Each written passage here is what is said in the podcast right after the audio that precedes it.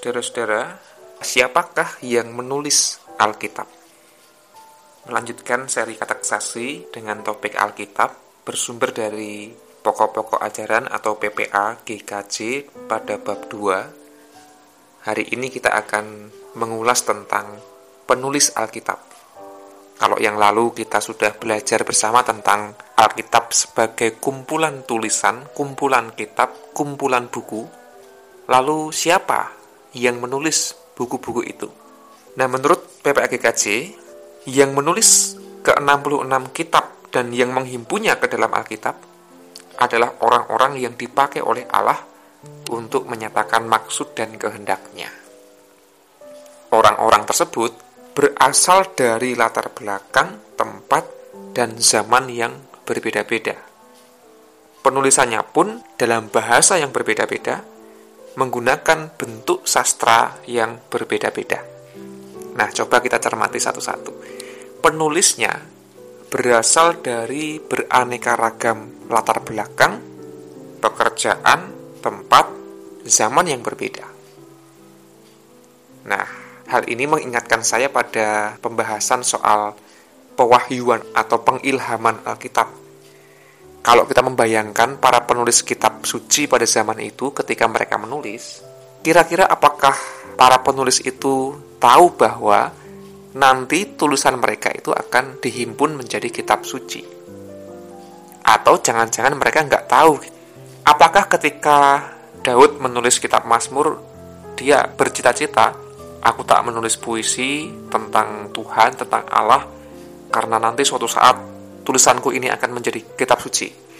Atau ketika Rasul Paulus menulis surat kepada jemaat di berbagai tempat itu, punya harapan gitu ya, wah somben tulisanku bakal jadi kitab suci. Nah, sebagian besar penulis Alkitab tidak memaksudkan penulisannya untuk dijadikan kitab suci. Sebagian besar dari mereka nggak tahu kalau tulisan mereka nanti akan menjadi kitab suci. Memang mereka menulis bukan tujuan utamanya untuk dijadikan kitab suci gitu ya. Nah, ada sangat banyak teori tentang pengilhaman Alkitab. Ada dua istilah yang menurut saya menarik untuk dicermati. Yang pertama itu pengilhaman mekanik. Pemahaman ini meyakini bahwa manusia itu, para penulis Alkitab itu, hanyalah sebatas mekanik, hanyalah sebatas seperti mesin. Jadi manusia itu perannya dalam penulisan kitab suci adalah mesin penulis idenya dari Allah, yang mengilhami itu Allah murni, manusia ya kayak mesin ketik aja, cuma menjadi alat. Pikiran dan perasaan penulis tidak ikut campur dalam tulisan itu karena semua muanya adalah murni kuasa dan firman dari Allah langsung. Nah, itu pemahaman tentang pengilhaman atau pewahyuan yang sifatnya mekanik. Namun biasanya dalam khasanah teologi Kristen, pengilhaman kayak gini nggak diterima Ya meskipun saya tahu ada banyak orang yang memahaminya seperti itu. Ya ketika Musa atau nabi-nabi yang lain atau Daud menulis itu ya mereka hanya berperan sebagai mesin aja. Ketika Matius, Markus, Lukas menulis Injil ya hanya mesin aja. Ketika Rasul Paulus menulis surat ya Paulus hanya mesin aja. Isinya semuanya dari Allah. Nah, maka ada pandangan kedua yaitu pewahyuan atau pengilhaman organik organik itu ya penulis itu pikirannya, perasaannya, pandangan-pandangannya itu ikut mewarnai corak tulisan. Jadi betul bahwa Allah berkarya lewat Roh Kudus menuntun para penulis, tapi juga ide-ide dan pikiran-pikiran penulis juga ikut terlibat mewarnai tulisan atau isi Alkitab pada akhirnya. Nah, kalau di dalam PPAGKJ ada pertanyaan begini, bagaimana campur tangan Allah dinyatakan dalam penulisan kitab-kitab itu? Jawabannya adalah campur tangan Allah dinyatakan dalam hikmat yang menyertai para penulis dan pengumpul ke-66 kitab itu melalui pimpinan dan penyertaan Roh Kudus. Jadi Allah itu memberikan hikmat dan menyertai para penulis itu. Jadi Allah bukan mendikte huruf demi huruf, kata demi kata, ya barangkali Allah menginspirasi atau Allah muncul dalam mimpi dan perkataannya disampaikan kepada nabi misalnya dan nabi itu kemudian meneriakkan kepada umat dan dituliskan Tetapi dalam banyak teks Alkitab, Allah tidaklah mendikte, melainkan memberikan penyertaan kepada para penulis dan pengumpul. Berarti, para penulis bukan sekadar mesin mekanik tadi, tapi memang seseorang atau kumpulan orang yang ia punya pikiran, punya perasaan, punya pendapat, punya pandangan yang itu mewarnai tulisannya, meskipun disertai dibimbing oleh Allah. Kita bisa melihat keragaman dari gaya bahasa, keragaman gaya sastra, keragaman corak penulisan, namun juga keragaman kepentingan dari para penulis itu. Misalnya dalam Injil ada Matius, Markus, Lukas, Yohanes. Empat-empatnya menuturkan tentang Yesus. Namun keempat-empatnya punya gaya bahasa yang tidak sama. Antara Matius, Markus, Lukas saja, tiga Injil sinoptik ini juga punya gaya yang berbeda. Markus dengan sangat ringkas, eh, Matius lebih formal, Lukas yang lebih naratif misalnya. Itu contoh-contoh perbedaan latar belakang penulis. Atau kalau kita mencermati misalnya Rasul Paulus tidak sama ketika ia menulis surat kepada jemaat di kota A dengan kota B dan kota C. Mengapa? Karena yang dihadapi Paulus juga tidak sama. Yang dikembalikan Paulus juga situasinya nggak sama. Kadang Paulus bombong, menghibur, memberikan pujian, misalnya kepada jemaat di Tesalonika. Namun kadang-kadang Paulus juga marah-marah, menegur dengan keras, misalnya kepada jemaat di Korintus, di Roma, di Galatia misalnya, corak-corak itu menunjukkan bahwa ada keterlibatan antara pikiran dan perasaan para penulis ketika menuliskan Alkitab. Nah, terkait dengan pewahyuan atau pengilhaman ini, kemudian membuat kita menjadi lebih paham mengapa ada beraneka ragam corak gaya bahasa, kemudian suasana tulisan dalam Alkitab karena memang ada percampuran antara kehendak Allah dan juga pikiran-pikiran para penulis.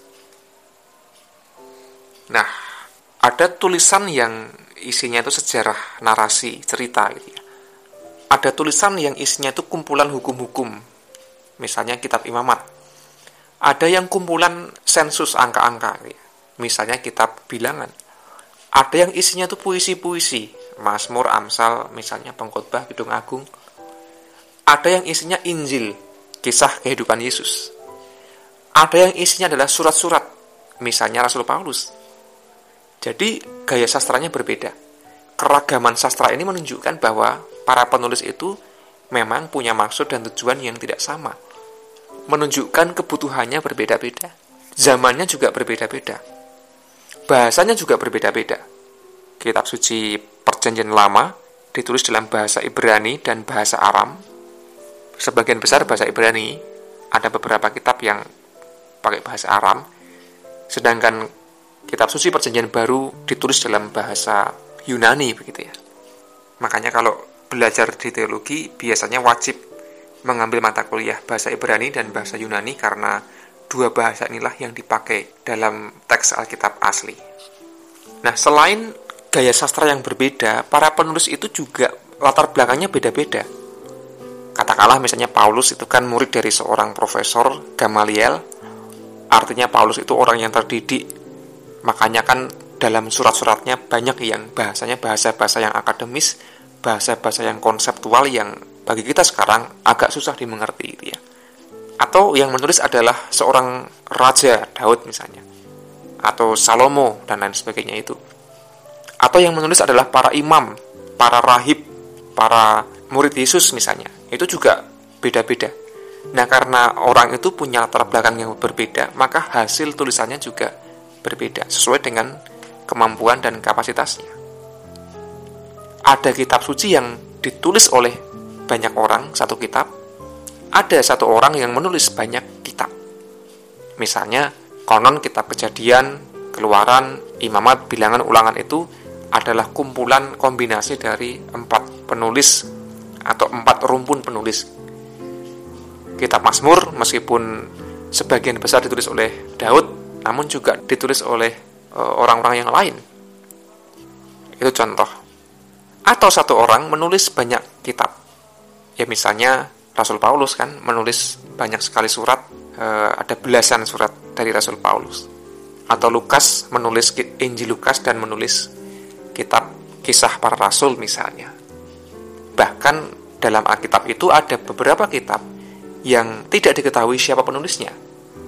Nah, dengan gaya bahasa yang beragam, dengan corak sastra yang beragam, itulah yang menjadi kekayaan Alkitab sebenarnya. Nah, Allah memberikan ilham, memberikan wahyu bukan dalam bentuk tulisan jadi atau didiktekan manusia tinggal diem aja, tapi Allah memberikan ilham dan wahyunya itu dalam bentuk penyertaan melalui Roh Kudus sehingga para penulis itu berhikmat. Nah, isi dari tulisan-tulisan itu adalah refleksi tentang iman para penulis mengenai pengalamannya dengan Allah refleksi iman itulah yang kemudian dituliskan dan dibaca oleh banyak orang dan dilestarikan oleh banyak orang dan bisa sampai pada kita sekalian pada zaman ini. Nah, refleksi iman yang terjadi ribuan tahun yang lalu yang ternyata isinya itu masih relevan kita refleksikan dalam kehidupan kita sehari-hari pada zaman ini. Makanya ingat beberapa rubrik yang lalu kan tentang Alkitab sebagai mitra dialog. Jadi Alkitab janganlah dimakan mentah-mentah tapi harus dipahami dengan cermat karena memahami teks-teks di zaman yang berbeda, di tempat yang berbeda, kadang-kadang artinya itu tidak selalu seperti yang kita bayangkan. Maka Alkitab biarlah menjadi mitra dialog. Maka bersyukur karena Allah memakai para penulis itu sehingga melalui tangan mereka, melalui penuturan mereka, kita bisa mengenal Allah dengan lebih baik dan iman kita pun akan semakin ditumbuhkan. Mari kita berdoa. Ya Tuhan, terima kasih atas karyamu yang telah memberikan hikmat dan penyertaan kepada para penulis dan para pengumpul kitab suci. Kiranya kami boleh menghargai segala jasa dan jerih payah para penulis itu, menghargai setiap hasil karya sastra mereka, menghargai setiap refleksi iman yang mereka tuliskan, karena itu menjadi kekayaan iman bagi kami semua dan kami boleh saling belajar tentang kehendak Allah dalam kehidupan kami. Meskipun terpisah jarak dan terpisah zaman yang sangat panjang, namun kami boleh membaca, merenungkan dan mengerti firman-Mu melalui para penulis kitab suci itu. Kiranya kami dimampukan semakin menghargai kitab suci. Amin.